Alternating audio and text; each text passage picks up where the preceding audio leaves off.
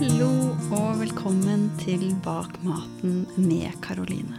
Stedet der du finner dype, ærlige og nyanserte samtaler om maten vår, landbruket og menneskers rolle i det hele. I denne podkasten så forsøker jeg, Karoline Aalum Solberg, å utforske roten av utfordringene vi står ovenfor i dagens matsystem, og løfte fram reelle løsninger for fremtiden. Løsninger som vil bygge igjen økosystemer, økonomi og mennesker, og ta vare på dyra våre. Jeg kaller det fremtidens regenerative matsystem. I så mange år så har jeg brent for å endre matsystemet vårt, så det tar vare på oss mennesker og jorda vi lever på. Men det kom til et punkt da jeg skjønte at jeg måtte snu på det. At jeg ikke kunne jobbe utelukkende for å gjøre verden der ute til et bedre sted, uten også å jobbe med meg selv. Og etter mer enn ti år inn og ut av ulike studier, organisasjoner, arbeidsplasser, verv og miljøer i matsystemet vårt, så ser jeg tydeligere enn noen gang hvordan systemene rundt oss er bygd opp av oss mennesker. At energien vår, og i essens hva vi tenker og føler om oss selv, hvordan vi har det med oss selv, er det vi skaper verden ut ifra. Og noe av det som har fulgt meg i alle år for å ta vare på meg selv og for å vokse som menneske, det er mat- og medisinplantene våre. De har fulgt meg gjennom en bachelor i plantevitenskap, egne dyrkningsprosjekter, gjennom trainee-tiden min i noen av Norges største landbruksorganisasjoner, gjennom tolv år som vegetarianer og gjennom min egen praksis med plantemedisin og eteriske oljer. Og nå har jeg så lyst til å dele med deg hvordan du også kan bruke planter på din reise. Jeg har derfor laget et gratis minikurs som heter Indre transformasjon med planters visdom. Det er altså for deg som har lyst til å lære hvordan du kan bruke mat og medisinplanter for å begynne med deg selv og din energi når du har lyst til å gjøre verden til et bedre sted. Du melder deg på helt gratis ved å gå inn på plantwhispers.no slash påmelding, altså plantwhispers.no slash påmelding. Du finner også denne linken i teksten der du kan lese om episoden i appen din, og kurset er 100 på nett, 100% gratis, og jeg gleder meg skikkelig mye til vi begynner. Så over til dagens episode.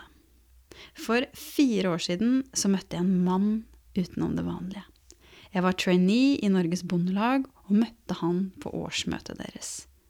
Petter Simonsen var musiker og drev Østre Pavestad gård, der han bl.a. hadde utegående ullgris og urkorn. I tillegg så hadde han utrolig spennende tanker rundt mat, landbruk, historie, religion, spiritualitet, filosofi og etikk.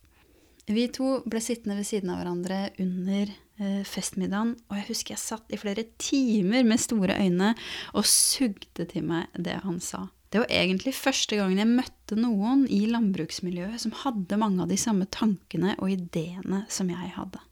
Og siden jeg møtte Petter, så har jeg faktisk ikke klart å slutte å tenke på han. Spesielt ikke etter at jeg starta med den podkasten her. For han hadde så mange spennende tanker og perspektiver som jeg kjente at bare måtte ut til flere. For et halvt års tid siden så begynte han å dukke opp i tankene mine igjen for alvor, og jeg ble altså så glad da han sa han gjerne ville stille opp til et intervju. Denne samtalen har jeg altså gleda meg til å dele med deg i mange år. Episoden er sponsa av økologisk.no, og den er laget av meg, Karoline Aalum Solberg. Hvis du lurer på noe, så husk at du alltid kan sende meg en mail på karoline.bakmaten.no, eller så finner du meg på Instagram under karoline.alum.solberg. Da er det bare å si kos deg masse med denne episoden, og god lytt.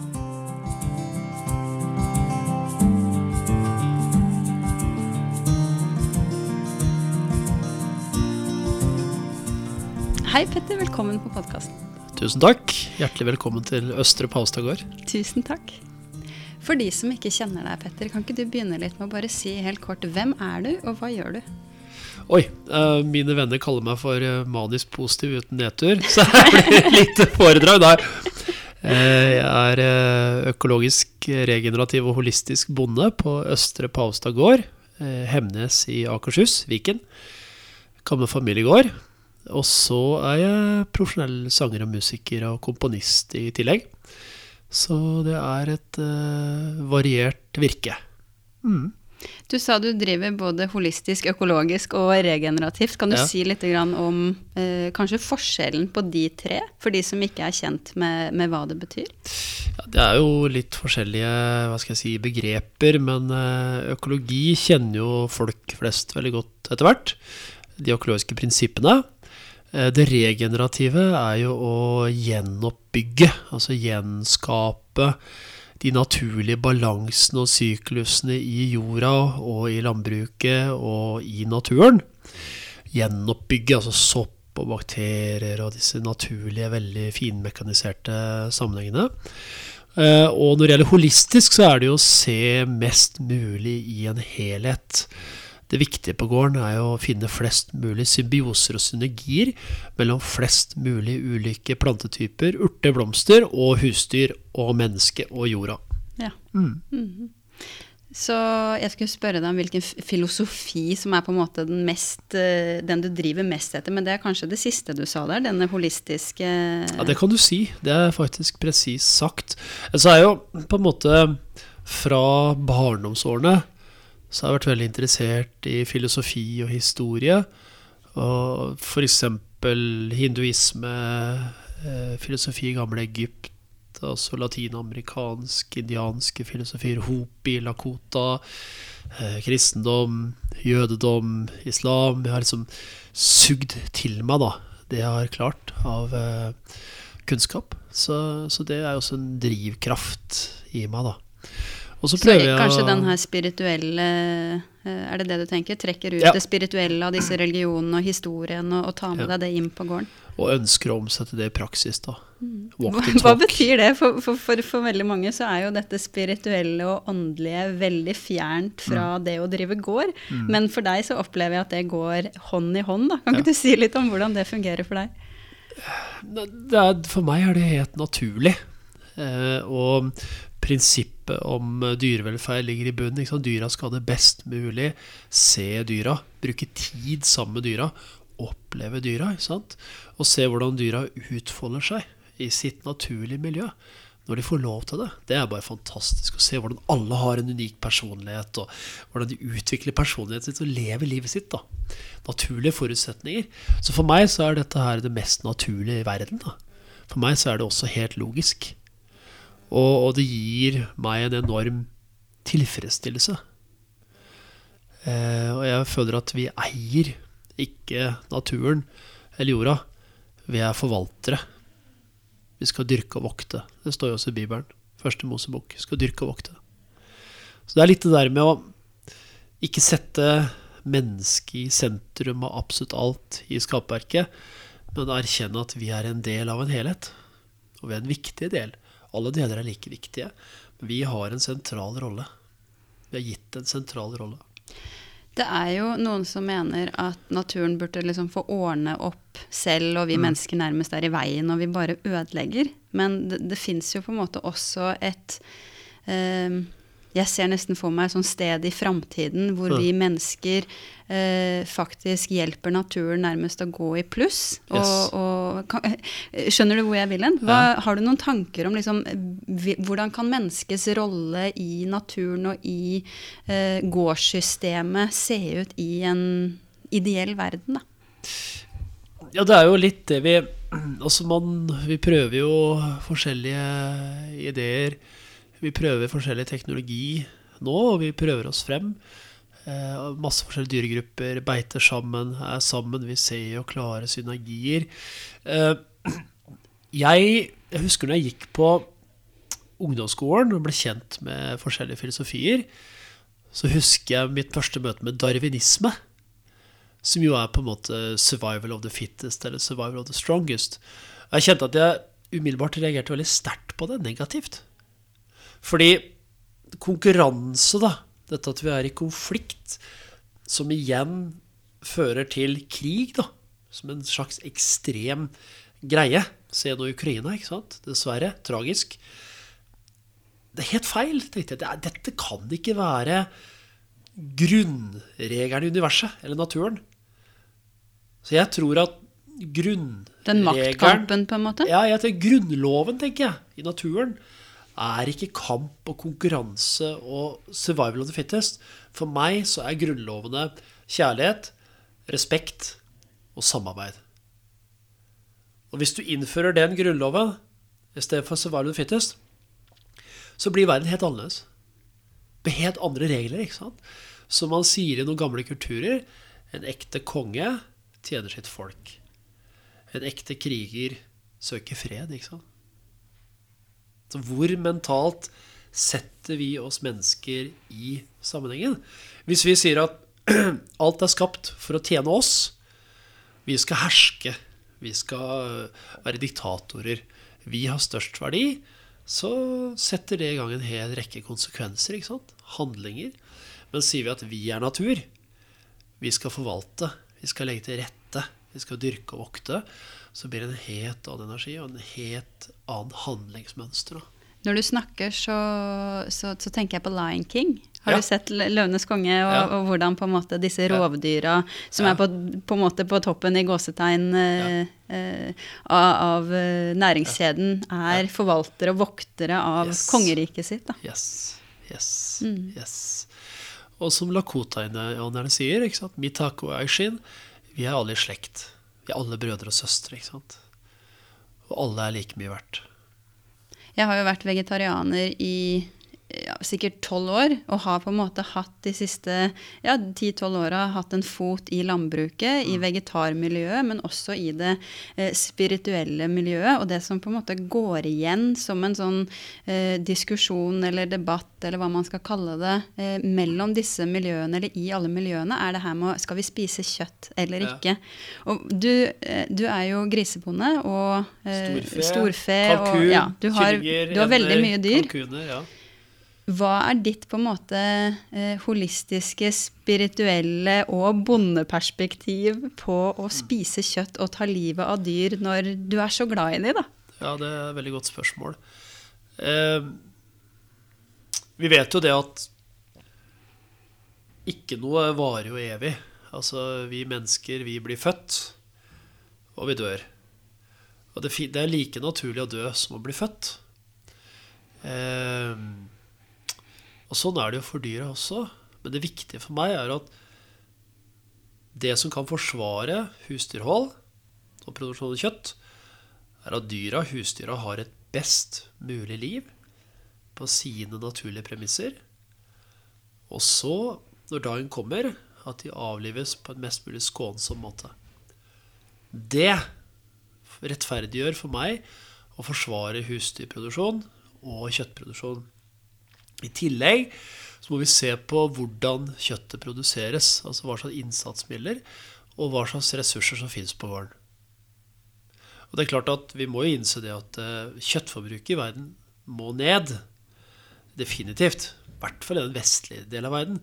I de fattige land så bør man kanskje ha mer protein for å øke folkehelsa. Men det er også litt sånn individuelle forskjeller fra verdensdel til verdensdel.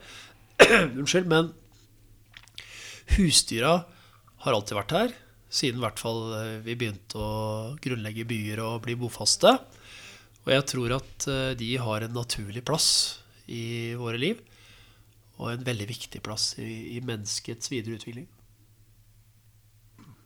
Jeg mener at eh, alle dyr er mye mer avanserte og fintfølende og tenkende enn det i hvert fall mainstream vår sivilisasjon tar inn over seg, da.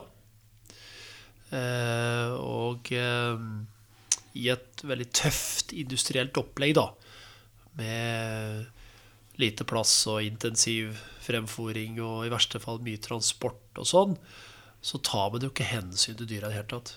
Dyr er bare noe man skal tjene penger på. En vare. En vare. Og de har ikke følelser, de har ikke tanker, det er ikke nødvendig å ta hensyn til det. Det er grunnleggende fullstendig feil. Dyr er mye, mye klokere og smartere. Eh, og det skal respekteres og tas hensyn til. Eh, de er, de er, for meg så er de mine brødre og søstre. Vi er en familie. Mm. Så jeg tror at uh, vi vil nå gradvis som sivilisasjon oppdage hvor avansert naturen er. Og hvor innholdsrik og sammensatt avansert naturen er. Jeg mener at alle våre svar da, som sivilisasjon finner vi i naturen. Medisinplanter, sammenhenger, helse, velvære. Jeg tror vi har kommet til et punkt hvor vi som sivilisasjon må måtte velge. da. Kjører vi videre det industrielle, naturfiendtlige, naturødeleggende løpet? Eller går vi tilbake til utgangspunktet vårt og finner vår naturlige plass i naturen? Vi eier ikke naturen, vi er natur. Sant? Alt er jo fragile. Sant? Og livskraftig. Så det er jo det vi prøver å gjøre her på gården. Å gi dyra den plassen og arenaen som gjør at de kan blomstre. At hvert enkelt individ kan blomstre og bli sett og få kjærlighet og omsorg. Og det gjør jo også at produksjonen øker, da. Sant? For de trives. Mm. Og derav får du også en bedre økonomi. Så jeg tror at ved å sette etikken, verdier og normer først, at du må definere hva er min etikk, hva gjør jeg, hvorfor, hva er min intensjon, hva er min agenda for å gjøre det, og så etterpå hva gjør jeg ikke? Sant? Sant? Men ha fokus på det lyse siden av det, og så ha disse krystallklare prinsippene Og hvordan da driften skal være, og dyra skal ha det. Og ydmykhet og takknemlighet, at man hele tida lærer ting, da, observerer og prøver å sanse og ta inn. Noe av det viktigste her er å bruke tid sammen med dyra. Så når vi var nede på jordet i stad, sånn, sette seg sammen med dem og prate og bli dynga ned med jord og klø litt og bli bitt litt på du, kjenner jo energien. Det er sånn wow! Sånn. Og da, da, er du inn i deres verden. Deres forståelse.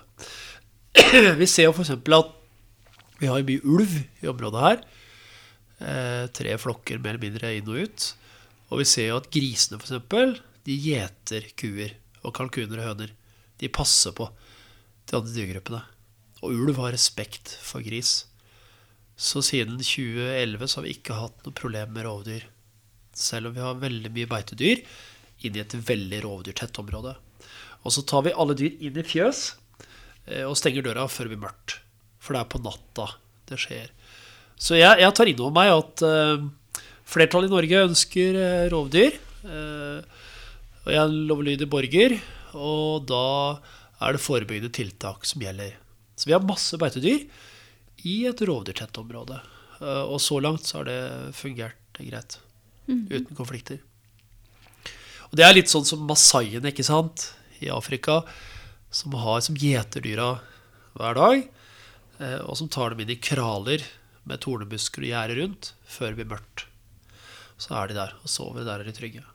Sånn er det her også. Og istedenfor å tenke da Altså, jeg snakker aldri om hva andre gjør. Jeg prøver bare å snakke om det jeg sjøl gjør, og det jeg sjøl har erfart, og det jeg sjøl kan på en måte dokumentere. da. Eh, jeg ønsker ikke å dømme noen. Ja, fordi da vi hadde en liten prat uh, før Eh, innspillingen av denne episoden, altså da jeg inviterte deg til å bli med på podkasten, så var du veldig veldig klar på at ja, du kunne være med, men du ville ikke snakke om eh, hva andre gjorde Nei. gærent, men Nei. du ville snakke om det du gjorde som du tror på. Ja. Hvorfor er det så utrolig viktig for deg? Jeg ønsker ikke å dømme noen. Og så er det f.eks. blant mine kollegaer på industrielt svinhold altså, Landbruk i Norge er familielandbruk.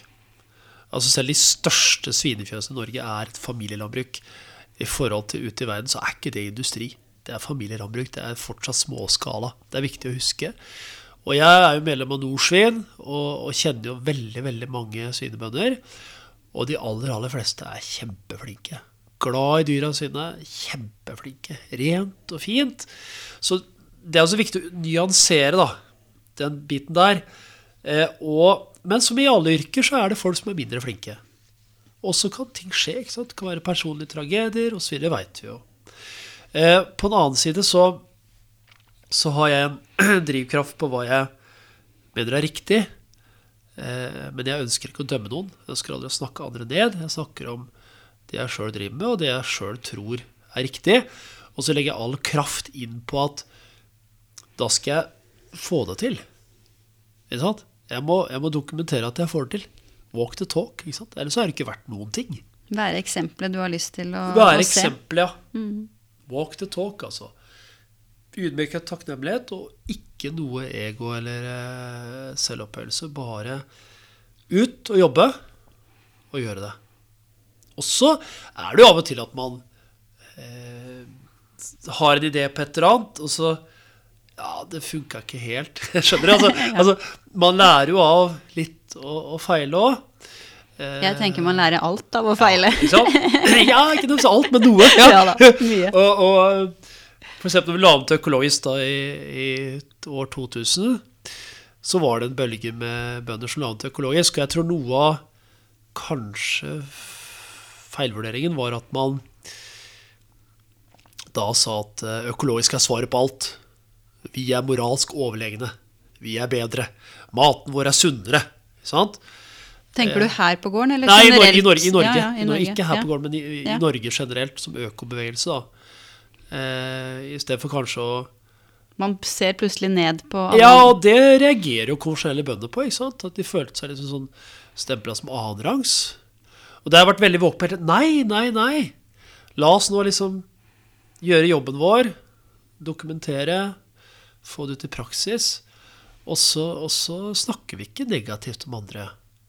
Ikke sant? Vi, vi, vi må levere og produsere. Via det du leverer, så viser du hvem du er. Så jeg har dyp respekt for norske bønder og, og er veldig lojal. Jeg har jo vært tillitsvalgt i Norges Bondelag, Akershus Bondelag og Felleskjøpet, Nortura. Og så jeg føler jeg har veldig godt forhold til kollegaene. Jeg er tillitsvalgt i Skogeiersamvirket og dyp respekt for det norske bønder gjør. Så det er viktig filosofi på meg, og, og sånn gjør jeg det. Dette mener jeg er riktig. Og så får andre gjøre som de vil. Og så får andre mene hva de vil òg. Det må man jo tåle. Altså Når jeg la om økologisk, så var det jo en del reaksjoner. Og for eksempel, da. Starta økologisk 2000. La om til økologisk kornproduksjon, husdyrhold, hadde ammekuer. Eh, Og så hadde jeg moderne kornslag. Havre, hvete og bygg. Som jeg da sådde økologisk. Og så kjørte jeg på husdyrgjødsel. Og det ble jo et hav av ugras, ikke sant? Det ble, det var jo og et par år sånn derre Ja, det ser ikke helt bra ut. Og det fikk jeg høre på bygda. Det fortjente jeg jo. Ikke sant? Men så, så oppdaget jeg urkorn på en eh, reise til uh, Midt-Italia. eh, hvor jeg ble kjent med emmerhvete. Farro. eh, rød emmer. Og så begynte jeg med urkorn i 2004. Og så oi, de er nøysomme. Jeg trenger ikke gjødsle noe særlig. Og de eldste tre urkornene, enkorn, emmer og spelt, er aleopatiske. Hva betyr det? De skiller mellom konkurrerende og ikke-konkurrerende vekster. Så kommer det ugras, så begynner å hemme ugras ved hjelp av organiske enzymer i rotsystemet. Så jeg så for hvert år så ble det mindre og mindre ugras. Satt? Sant? Men det, du skjønner, altså De to-tre åra hvor jeg hadde major med ugras, så er det ikke veldig musikalsk, da, å, å si at eh, jeg er moralsk overlegen, og det jeg driver med, er best. Altså, skjønner du? Ja. Altså, man, man må være ydmyk her òg. Og si at oi, det der må jeg ta tak i. Og nå har vi jo drept burkorn urkorn eh, lenge. Vi føler at vi ja, gradvis begynner å få litt taket på det, da. Og det omsettes jo via vårt eget firma Norsk Urkorn AS. Eh, hvor vi lager egne produkter, og hvor vi er en del kollegaer som samarbeider. Og det er også viktig at man har I landbruket blir man jo ofte litt ensom, kanskje, på gårdene. Og jeg er så heldig at jeg har gode, veldig gode kollegaer. Jeg har eh, folk som hjelper meg på gården. Eh, og vi har eh, gode kollegaer som, som foredler for oss og omsetter. Så det å ha sosiale, faglige møteplasser er også veldig viktig. Så man ikke som bonde bli litt for ensom. For det tror jeg, særlig i Distrikts-Norge, så er det fort gjort, da. Å bli litt ensom. Masse, masse arbeid på gården. Store fjøs, mye dyr. Kanskje store økonomiske forpliktelser, ikke sant. Og så jobber du døgnet rundt. Det er litt sårbart. Ja, hva tenker du er eh, liksom helt sånn konkrete konsekvenser av det du skisserte nå? Hva er det det manifesterer seg i? Jeg ser at på gården her så så blir det veldig harmonisk, da. Og jeg synger jo også på heltid i tillegg. Og det er veldig godt for meg å komme hjem, skru av telefonen, være sammen med dyra, være på jordet. Dyrevelferd, plantevelferd. Bare ta det inn, da. Eh, så jeg ønsker at folk skal komme til gården og, sanse og erfare selv, da. Det som er her. Eh, målet er jo størst mulig harmoni og synergi og symbiose. Men andre veien, det du skisserte med ensomhet mm. og at man eh, på en måte blir sittende eh, alene, frustrert, økonomisk byrd, altså disse tingene. Hva tror du det eh, Hva er resultatet og liksom manifestasjonen av eh, å leve et sånt liv, da? Det tror jeg er eh, og, og kanskje spesielt i landbruket? Ja, over sikt så tror jeg det er vanskelig. På sikt så er det tungt.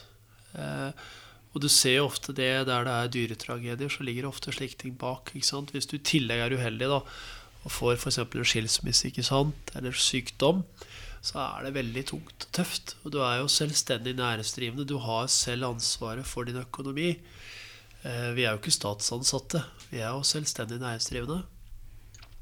Så jeg hadde jo en sånn periode Jeg ble skilt i 2014. Og da var det et par tøffe år. Eh, hvor jeg var eh, mye alene på gården, og hvor jeg hadde litt for mye gjeld. Eh, og da Da var sangen, da, og det sosiale rundt sangen veldig, veldig viktig. Gode venner overalt.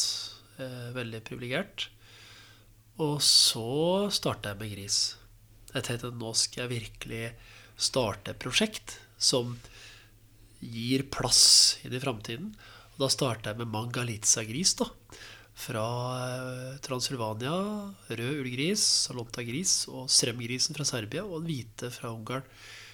Og, og, og, da fikk jeg noe å fokusere på hos levende vesener. Eh, for det hadde vært tomt for husdyr på gården i eh, tre år.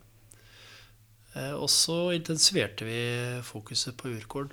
Ble det noe, disse dyra, ble det noe for deg å leve for? Ja. Jeg hadde masse å leve for uansett. Jeg var ikke deprimert. Nei. Eh, Men det ble en ekstra dimensjon ja, som holdt deg oppe? Ja, det ble helt fantastisk. Mm. Og gården ble jo fylt med liv. Med ja. levende vesener. ikke sant? Liv. Mm.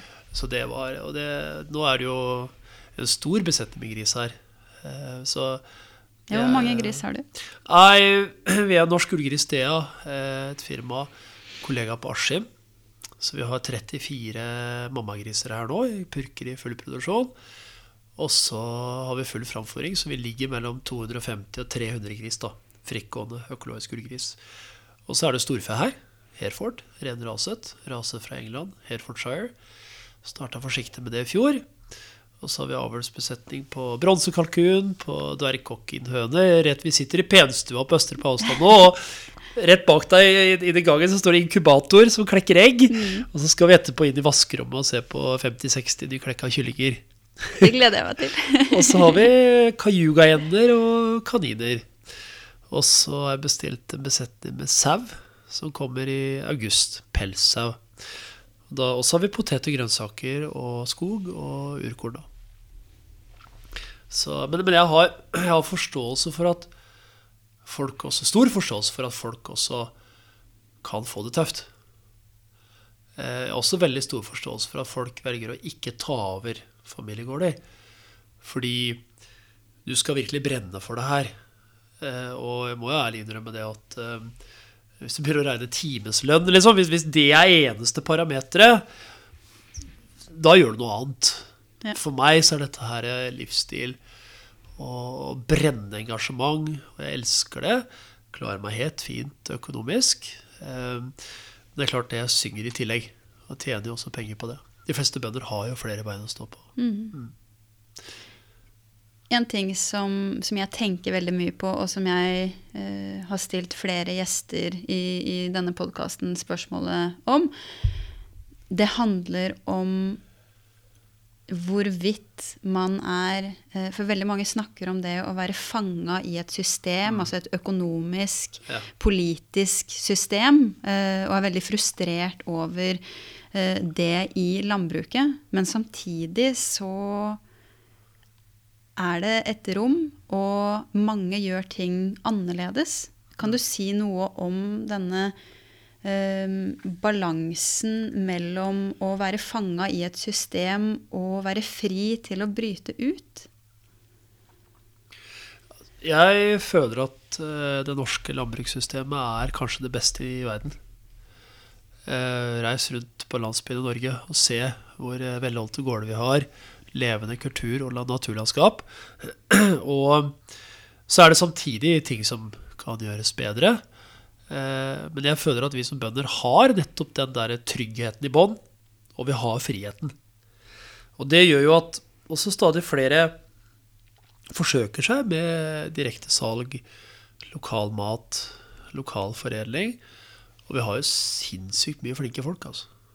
altså det, det kommer jo hele tida nye produkter på markedet for norske bønder som er fantastiske. Og jeg syns landbrukssamvirkene også er veldig, veldig flinke til det. Se på det store vareutvalget til Nortura og Tine, liksom. Så vi har friheten, mener jeg. Samtidig så kan ikke alle drive med lokalmat og direktesalg. Jeg er født med lungesykdom, det er derfor jeg hoster litt. Det kan jeg fortelle med en gang. Så det er bare en del av min natur, men jeg er frisk. Ja. og det er veldig krevende å drive med lokalforedling tar tid. Du må ha kompetanse, eh, og du må ha penger til å investere i det. Så det er ikke sånn at alle kan drive med det, men mange kan drive med det. Samtidig så opplever jeg at det er veldig mange som føler seg fanga eh, i systemet økonomisk, politisk, som eh, bonde. Eh, har du noen tanker om hva denne opplevde uh, ufriheten handler om, egentlig? Det er veldig vanskelig å si, fordi at uh, folk er veldig forskjellige. Uh, næringsgrunnlaget på de ulike eiendommene er veldig, veldig forskjellige. folks situasjon, folks valg er veldig forskjellige. men jeg prøver å ta ansvaret selv da, for de valgene jeg har tatt, og de konsekvensene jeg har utløst. Ikke sant? Tenker du da på gården? Ja, det var livet mitt. Altså, når jeg ble skilt, så var det sånn Dette her er mitt ansvar. Liksom. Det er jeg som har tatt det valget her. Det er jeg som har ansvaret for at det blei sånn. Da tar jeg det ansvaret. Eh, hvis jeg ikke klarer å få økonomi på gården, hvis jeg ikke klarer å overholde mine forpliktelser, så er ikke det bare systemets feil. Det har også noe med mine vurderinger å gjøre. Mine valg å gjøre. ikke sant? Så jeg tenker at folk er veldig forskjellige. Jeg dømmer ingen. Men det er et press de siste fem-seks åra har bygd seg opp et press i landbruket generelt på at eh, økonomien har blitt gradvis dårligere. Marginen har blitt dårligere. Eh, og nå har jo alt også blitt veldig dyrt, da. Siste, særlig halvåret. Så det er mange som har et stort økonomisk press. Og så er det mange som kanskje sitter med ja, store fjøs og investeringer og maskiner, men det har jo vært systemet. Det skal drives større. Så igjen litt tilbake til at det er ikke nødvendigvis avgjørende å ha den nyeste traktoren, kanskje. Eller man må se på sine regnestykker, da. Og jeg gjør ikke det her for å tjene penger. For å være såpass Jeg er skikkelig idealist. Men, men penger må man tjene for å overleve. Sånn er det bare. Så jeg dømmer ingen, men jeg tror eh, mange føler seg litt bundet økonomisk da, i gjeld og forpliktelser. Så hvis du skulle oppsummert litt, hvor, hvor finner vi den det, altså det, er jo et umulig spørsmål egentlig å, å, svare på, men hvor finner vi den her balansen mellom det personlige ansvaret ja. eh, man har, og eh, systemets ansvar, på en måte, hvis du har noen tanker rundt det? Nei, jeg, jeg, mener at systemet presser oss til å tenke industri. Systemet burde brukt mye mer ressurser på økologisk lokalmat, dyrevelferd. Eh, politikerne tar ikke realiteten inn over seg. Eh, og jeg føler at eh, selv nå, da, når man har eh, fått et bra jordbruksoppgjør, så endrer ikke det kursen. Kursen er den samme. Og det må politikerne ta inn over seg. At når det viktigste mantra for forbrukeren er at maten skal være så billig som mulig, det er den største utfordringen for dyrevelferden, for bondens helse og for miljø. Det at maten skal være så billig som mulig, det er et kjempeproblem. Hvem er det sitt ansvar, tenker du? Det er jo hver forbruker sitt ansvar. Som handler den billige maten? Yes. I det du handler mat, så bestemmer du retningen. Du stemmer. Da bestemmer du hva som skal produseres og ikke. Kjøper du det importerte, kjøper du det billigste, så er det sånn det blir. Kjøper du økologisk, lokalt, på Reko-ring, rett fra gårder, rett fra gårdsbutikker, så er det det du støtter. Det er forbrukeren som har ansvaret. Ikke politikerne.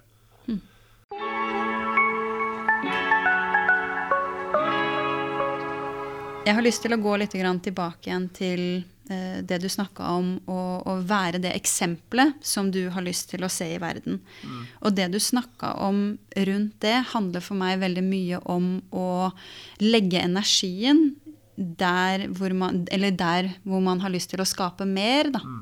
Um, og veldig mange tenker jo at det er en uh, hva, skal man kalle det, en slags universell sannhet om at der hvor man legger energi, det, det blir det mer av. Da. Så det høres ut som det ligger til grunn for veldig mye av det du gjør. Og en ting jeg har tenkt veldig mye på, handler om dette med å skape bevissthet. Vi har jo hatt liksom bevissthetsskapende eh, dokumentarer og bilder og sånn rundt f.eks. Eh, ting som ikke har vært så greit i svineindustrien, f.eks. Hva tenker du om den type bevissthetsskapende arbeid kontra det å liksom vende det andre kinnet til, hvis man skal si det på den måten, og, eh, og bare fokusere på det som er positivt? Jeg tror at det er riktig å bare fokusere på det som er positivt. Det, er det, det prøver jeg å ha som min rettesnor, da. At eh, er det noe negativt, så prøver jeg liksom å håndtere det og fikse det. Og så transformere det til noe positivt, da. Så f.eks. når det var denne her eh, skandalen rundt eh, noen svinebesetninger, så ble jeg veldig spurt, da. Hva mener du om det? Så det, du, det mener jeg ikke noe om. Fordi at jeg kjenner ikke sakene. Jeg ønsker ikke å dømme noen. Men kom her og se. Sånn har våre griser det. Og det holder, liksom. Eh, så jeg tenker at Og så må man ha et apparat da, som faktisk hjelper de som sliter. da. For det er jo en menneskelig Bønder er også mennesker. og, og, det er menneskelige aspekter her. Eh, og jeg tror at eh, det der pengefokus i samfunnet vårt Vi må også i tillegg få inn andre verdier. da. Så og fri konkurranse og fri markedsliberalisme på landbruk og husdyrhold er jo en enorm eh, fallgrube. Liksom pengene settes først. Det er jo dyr og natur og menneske og sanne verdier som må settes først. Samtidig så har vi fortsatt et økonomisk system. Så blir det jo spennende å se hvor lenge det økonomiske systemet overlever. da. Satt? Nå med naturødeleggelser og krig og, og problemer. Så det er veldig spennende å se framover hva som skjer. Hva tenker du skjer? Det er veldig sans for det Hopi-indianerne sier. At uh, vi må velge uh, som sivilisasjon. At uh, enten så er vi natur, og på naturens lag, eller så er vi ikke det. Og er vi ikke på naturens lag, så vet vi hva som skjer. Det er litt som en Lakota-medisinmann sa til meg en gang at uh, bare slapp helt av, Petter. Uh, naturen kommer til å kvitte seg med mennesket før mennesket greier å kvitte seg med naturen. Sant? Mm. Sant? Vi skal ikke overvurdere vår, vår rolle heller, sånn sett. Så, sånn er det jo. Hvis en art er i ubalanse, så blir det konsekvenser. Gjennom arbeidet mitt med den podkasten her og eh, forskjellige roller og, og jobber i eh, matsystemet, så har det blitt veldig tydelig for meg at det ser ut som denne ubalansen i naturen rundt oss starter med en ubalanse i vårt forhold til vår natur. Da. Eh, har du noen tanker om det, og hvordan på en måte det ser ut? Den, hvordan vi mennesker er kobla fra naturen, og hvordan vi kan bli mer kobla til vår egen natur. Og da tenker jeg ikke på naturen, altså gå en tur i skogen, men mm. Ja, det er litt sånn når jeg har reist rundt som sanger, da, og møtt veldig mange hyggelige mennesker og forskjellige kulturer, og så er det alltid en fordel å kunne litt om kulturen, om historien, og litt språk. Eh, under arabiske våren så var jeg i Kairo, eh, og gikk da ikke så langt unna Tahrir-plassen i Khan el-Khalili, så gamle basarene i den gamle delen av Kairo. Og så møtte jeg en gjeng med litt eh, konservative salafister. Altså de som er kledd i heldekkende hvite drakter. Og jeg gikk i cowboyskjorte og cowboyboots. Så typisk amerikansk ut, da. Og så begynte de å slenge ukvemsord til meg på arabisk, sånn amerikansk shaitan og så litt sånn. Og så gikk det etter at i meg, så bare snudde jeg meg og sa jeg på arabisk da at eh, kjære brødre, jeg vil sitere den hellige boka slik og sånn, Sotras vers slik og sånn, hvor det står da noe sånt som at eh, selv blant de vantro så finnes det bedre menn enn dere, liksom. og, da, og det ble bare helt stille. Og, og, og så tenkte jeg nå står jeg på knivseggen. ikke? Er det svinebank jeg får, eller er det, er det hyggelig? Og, og, så ble jeg invitert hjem på fiskesuppe til de. Og det var så hyggelig. Fantastisk kveld. Der satt jeg i deres hjem og spiste fiskesuppe og drakk søt te. Og jeg har fortsatt et par kompiser da på Facebook som er der av og til med kalasjene kommer og user som maskingevær. Så, ok, så, så jeg, jeg, tror ikke de er terrorister, men det er i hvert fall ganske langt ute på den sida, da. Så jeg jeg kommer inn i Israel hvis jeg prøver det. Men, men man møter jo masse spennende folk, og det er liksom Ved å kjenne sin egen kultur, da, så kan man kanskje se å respektere andre kulturer. Sant? Så det er noe i det å kjenne seg selv òg. Å ha kunnskap om seg selv. Og det er jo eh, buddhistenes store mantra. ikke sant? Altså, eh, hvorfor bygger man klostre eh, først? Nei, den viktigste kunnskapen er å bli kjent med seg selv. Forstå seg selv, og da forstår du verden. ikke sant? Det du sender ut, det får du tilbake. Det du manifesterer, det kommer. ikke sant? Hva betyr det for deg å, å, kjenne seg selv? Ja, det er jo ikke nødvendigvis noen bare dans på roser, da. Å bli kjent med seg selv. Altså, alle har jo forskjellige falsetter og sider, og man kan jo bli kjent med seg selv på de rareste måter. Av og til får man seg selv midt i trynet òg, ikke sant? Oi! Wow! Er jeg sånn? Wow, det var ikke sånn ment! Sorry, liksom. Mm. Eh, så det er jo det å være ydmyk og, og prøve å spotte hva er eventuelt mine svake sider, da, og hva er mitt vekstpotensial. Så, så det, det her, livet mitt har vært en vei hvor jeg blir kjent med meg sjøl, og derav blir kjent med, med verden. da. Så, så, er jo gården min festning og, og base, og her har jeg familie med. Planter og dyr. Mm. Mm. Og venner. Og kanskje etter hvert familie. Jeg, har jo, jeg, har jo, har jo ikke egne barn. Jeg har en bonussønn på ti år fra et tidligere forhold. Så har jeg en drøm om å stifte familie, og jeg ser ikke bort ifra at det kan skje.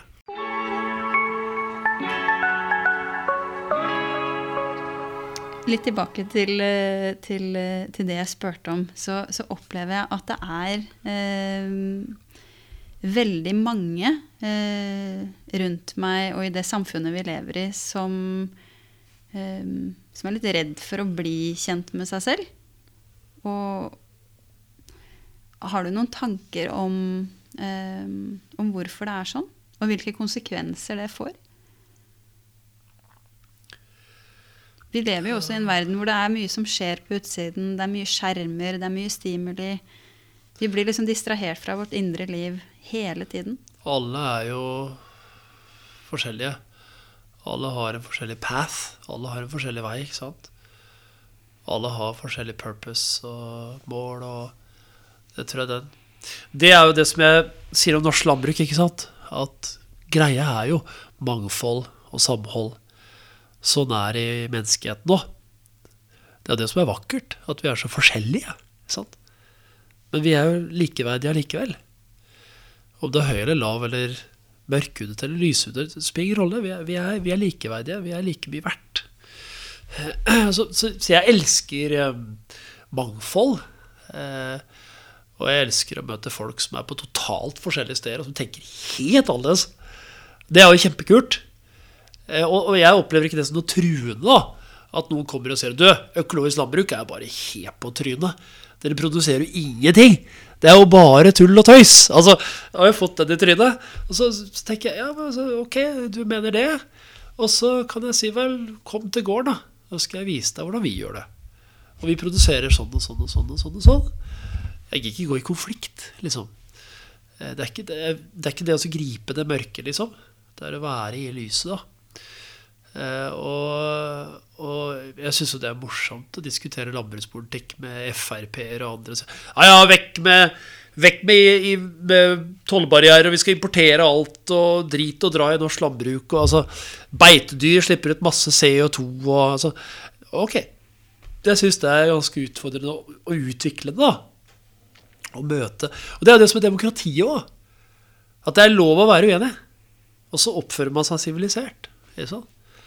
Så man tar jo ikke det personlig. Det er lov å være uenig. Og vi har forskjellige sannheter, kanskje, og vi har forskjellige veier å gå. Så jeg opplever at det der mangfoldet, det er fantastisk. Og det ser du på alle som er mer skikkelig onde, mørke filosofier. De har en del ting til felles, ikke sant? Det er at det er liksom bare én sannhet. Vi har sannheten, alle andre tar feil. Jeg har rett. Jeg er moralsk overlegen. Jeg skal bestemme. Alle andre mener skal vekk. Sånn? Hjernevask, propaganda, frykt, skremsel. Sånn? Du ser dette her så gjennomgående. Mens kanskje det som er naturens sannhet, er at det er plass til alle. Men at vi må leve sammen i fredelig sameksistens. Det må være regler for sameksistens. Og så er spørsmålet hva er de reglene? Sånn? Jeg har skrevet en låt om det som heter Open Hand. Altså en ekte leder, ikke sant. Han jobber via en åpen hånd. Og egentlig så burde vi jo dyrke frem de lederne som egentlig ikke ønsker makt. altså, det er disse paradoksene. Med store hjerter og et lite ego. Ja. Og som ønsker å tjene. ikke sant? Det høres så svulstig ut, men det er jo sånn det er. Hvorfor slipper narsissistene og psykopatene til, liksom? Hvorfor tillater menneskeheten hele tida det? At det er disse grusomme ikke, ikke, ikke, bare, men langt på vei, da. Så er det feil folk som slipper til. Og Da mener jeg samtidig at vi har et veldig godt politisk system i Norge. Jeg skal ikke reise langt for å skjønne at det er veldig godt. Og jeg har veldig stor respekt for og tillit til norske politikere. Jeg dømmer ikke de. Men, men vi har jo sett Se noe som skjer i Russland. Se hva som holdt på å skje i USA. Brasil. Altså du har nok av eksempler. Afrika, Asia, tyranner.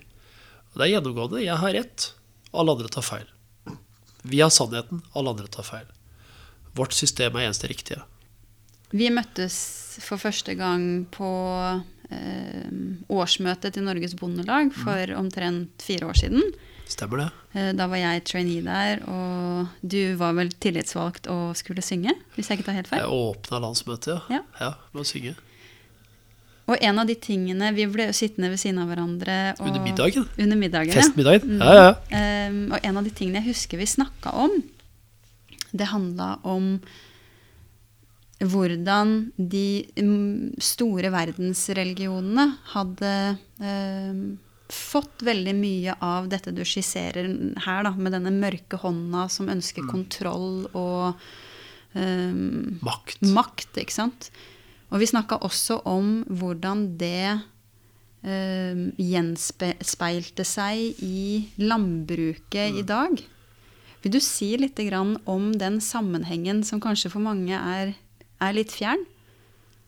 Altså Som bonde så blir du veldig fort fortalt da at sånn er det. Du skal bruke kunstgjødsel, du skal bruke sprøytemidler. Fjøsene skal være sånn. Sant? Det er et system. Eh, Profitt og fortjeneste er ofte målet. Eh, alle skal tjene penger. Eh, og så er det press i systemet på at vi skal ha de varene, de varene. Dyra skal få vokse raskere osv. Og, så videre. og forbrukerne kjører på det med at det skal være billigst mulig. Det, er, det er noe av aksene her, da. Samtidig så har du flere og flere som velger andre veien, da, med lokalt, økologisk, selvforedlet osv. Dyrevelferd. Eh, det er litt sammensatt, men alt i verden går raskere og raskere. Alt må ses i sammenheng. Og det som skjer i Sør-Amerika, påvirker oss direkte. Eh, vi er jo ikke selvforsynt i Norge heller, med mange basisvarer. Vi er avhengig av import av mange basisvarer. Og vi ser det nå i Ukraina. Det får jo store konsekvenser. Særlig i Midtøsten og Afrika. Så det er fragile. Og hvis du ser på alle menneskelige sivilisasjoner, landbrukssivilisasjoner, bofaste, så er jo det tilgangen til mat er det avgjørende. Hvis det ikke var nok mat, så blir det uro. Da blir det veldig raskt regimeskifte, anarki, opprør, borgerkrig osv. Du ser sivilisasjoner som begynte å miste grepet på matproduksjonen sin.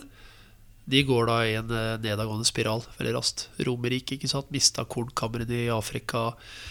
Alle krigene tappet dem for eh, arbeidskraft sant? i landbruket. Jorda ble gradvis mindre fruktbar. Så mat er den aller viktigste bestanddelen i vår sivilisasjon. Som man sier man kan ikke spise penger. Eh, Og i det øyeblikk en sivilisasjon begynner å glemme det, da er vi ordentlig ute å kjøre.